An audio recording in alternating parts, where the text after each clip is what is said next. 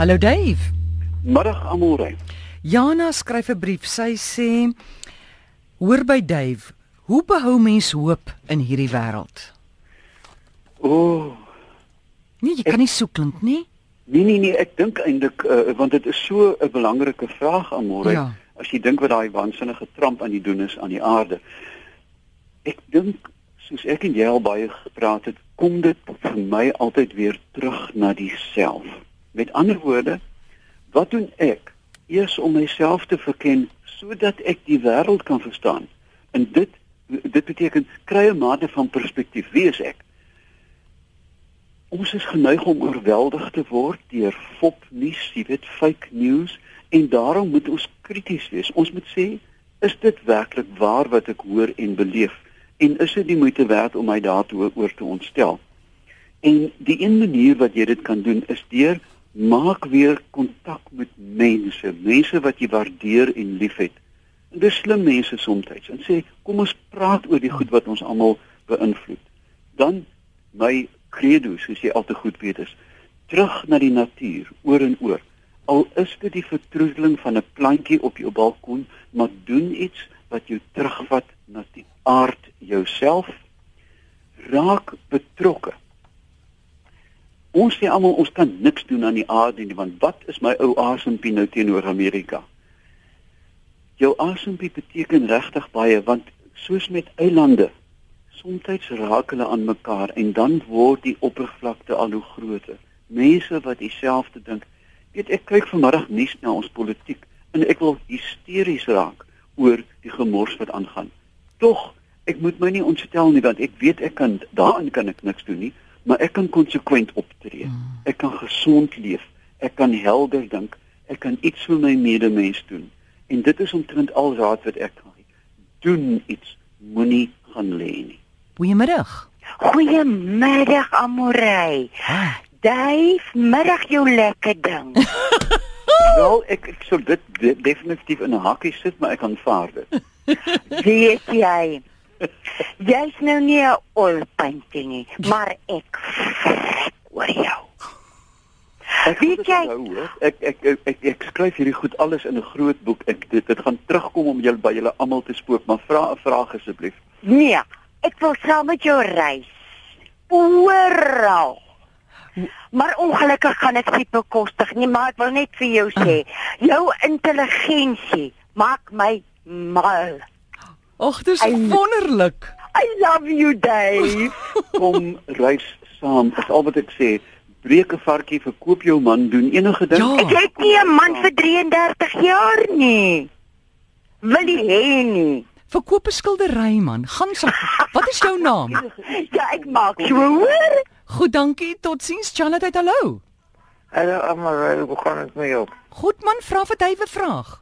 Maar bedryf, o, ek was ek, ek, ek, ek weet nie eintlik wat om vir Dave te vra nie, behalwe om vir hom te vra, ek weet nie hoe kom ek so met swaar kry. Nou, hoe dan so? Ag nee, ek wil ek het nou die nommer afgeskryf van toen net 10 jaar Ah. en nou, nou kan ek dit lees. Jy kan dit weer vir my gee asseblief. Ja, 023 023 ja. 416 416 1659. Dave, nog 'n vraag hier van Rindi. Sy sê: "Weet jy dalk hoekom is daar so skielike toename van die owl moths, daai groot motte wat lyk of hulle oë op hulle vlerke het? Dis vervuil in Pretoria." Weet jy Amore, ek word oorval met Facebook navrae. Jy het geen Ah. idee nie, dis dosyne wat per dag inkom. Nou meeste insek, meeste organismes Mm. werk in siklusse. Met ander woorde, die 'n bevolking sal opbou tot op 'n punt en dan skielik baie sterk val.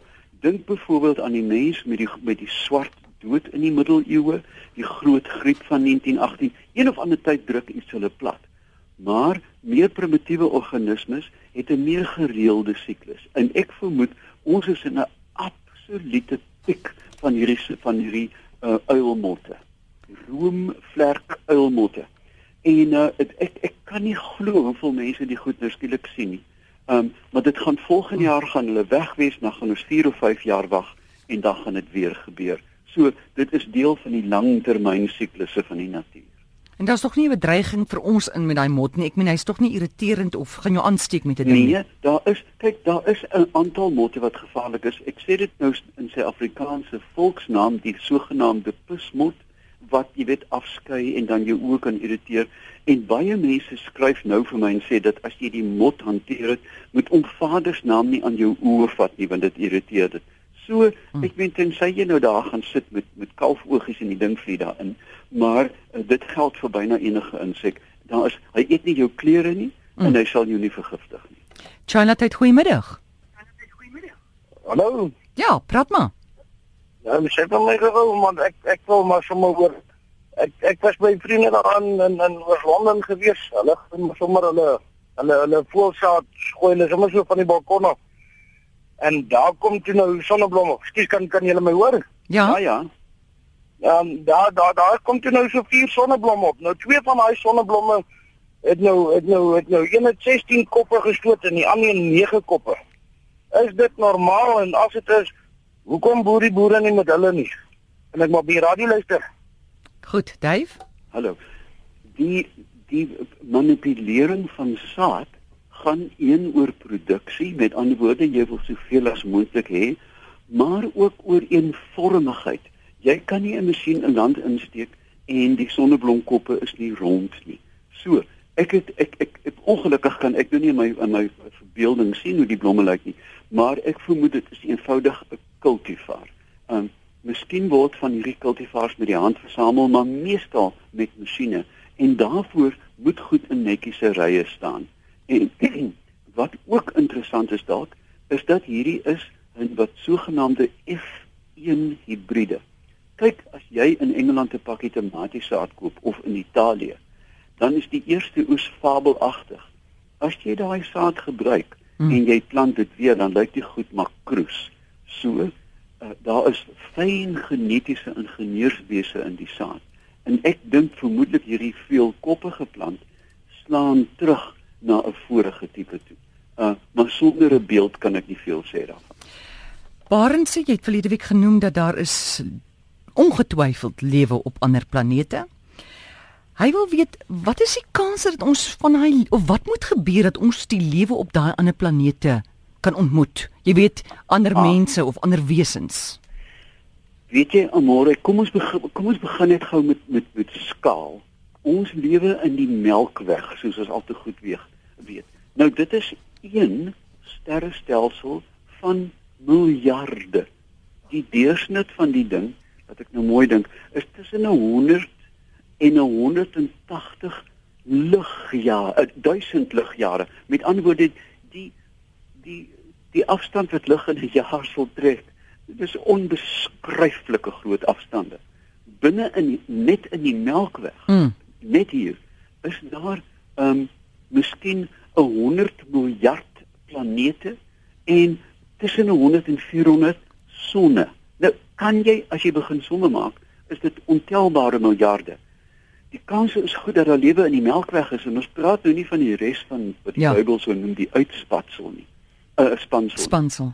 Met ander woorde, indien sê nou maar 13 ligjare gelede 'n probe of 'n 'n 'n 'n tuig na ons gestuur het, kan dit enige oomblik by ons aankom.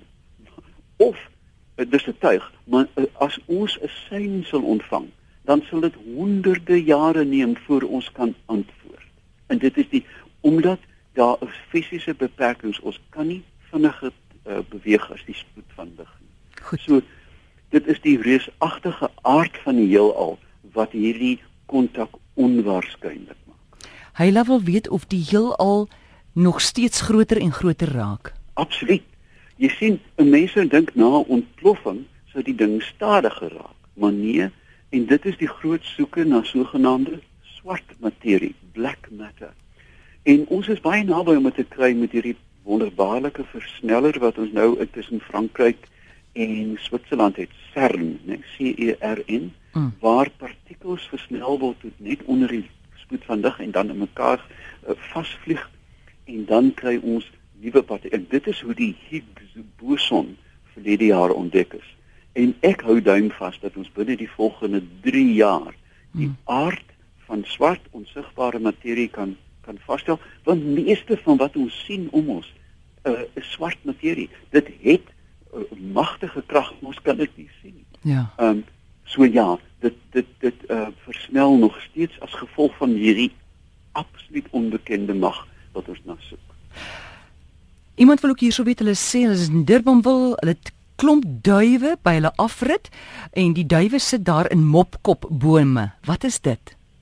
'n Mopkopbome. Ja, Môre het ek in my lewe nog nooit van 'n mopkopboom. maar dis 'n lekker naam vir 'n boom, né? 'n Mopkopboom. Dit is baie lekker, dit is 'n baie lekker naam vir iemand wat jy nie van hou nie. Maar 'n Goed, um, mopkop. in elk geval, daai duwe maak ek motors vuil en hulle het nie ander plek om die motors te parkeer nie. Hoe kan sy wil nie mopkopbome afkap nie, maar hoe raak sy ontslaaf van daai duwe? Weet jy dit is byna onmoontlik om van duwe kyk daar ek- wil nou nie weer 'n stel aftrap aftrap met met met 'n um, kondemnasie van afskrikmiddels nie. Maar natuurlik, jy kan 'n helder lig skyn op die boom. Hulle hou nie eintlik daarvan om in lig te sit nie. Of dan kan jy natuurlik uh, klein stukkies uh, aluminiumfolie laat warrel in die wind. Die probleem is indien jy dit nie gereeld verplaas nie, raak die duwe gewoond daaraan. Hulle uh, voels raak gewoond aan enige verstoring as hulle op een plek bly. Met ander woorde, die antwoord is om 'n aantal goed, jy weet 'n 'n 'n CD aan 'n toukie, 'n bietjie aluminium, 'n lig, maar om dit weekliks te verander, anders dan gaan dit nie werk nie. Dave gou vinnig live the journey. Jy gaan weer iewers heen? Uh, uh, Kan jy glo ek is weer op pad Borneo toe? Weet jy almore ons het net 3 plekke oor 18 tot 27 September en dit is so maklik soos net eenvoudig op die internet na Live the Journey gaan en te praat met Elsabet. Um hierdie is een van die mees spesiale tog. Ek ek dit is my gunsteling van alle Live the Journey Mm. togte. En so ek sê daar's net 3 oor. Maar wag nou Amore, nou moet ek vir jou iets vra. Ek verstaan 'n voeltjie vertel my dat jy 'n bietjie op pad is. Ek is op pad. Ek sien jou weer oor 3 maande. Ja. Ek wil vir jou sê daar was 'n filosoof Castañedos uh, in Spanje. Hy het baie baie sampioene geëet, maar nou en dan was hy nugter en dan het hy gesê: "Sou jy 'n pad kies? Kies 'n pad met 'n hart. En ek hoop jou paaie oor 3 maande het elkeen 'n hart." Ek gaan Karoo toe, so dit sal definitief 'n hart hê. Dankie Dave. Dank, lekker reis aan môre en tata. Dankie. Totsiens.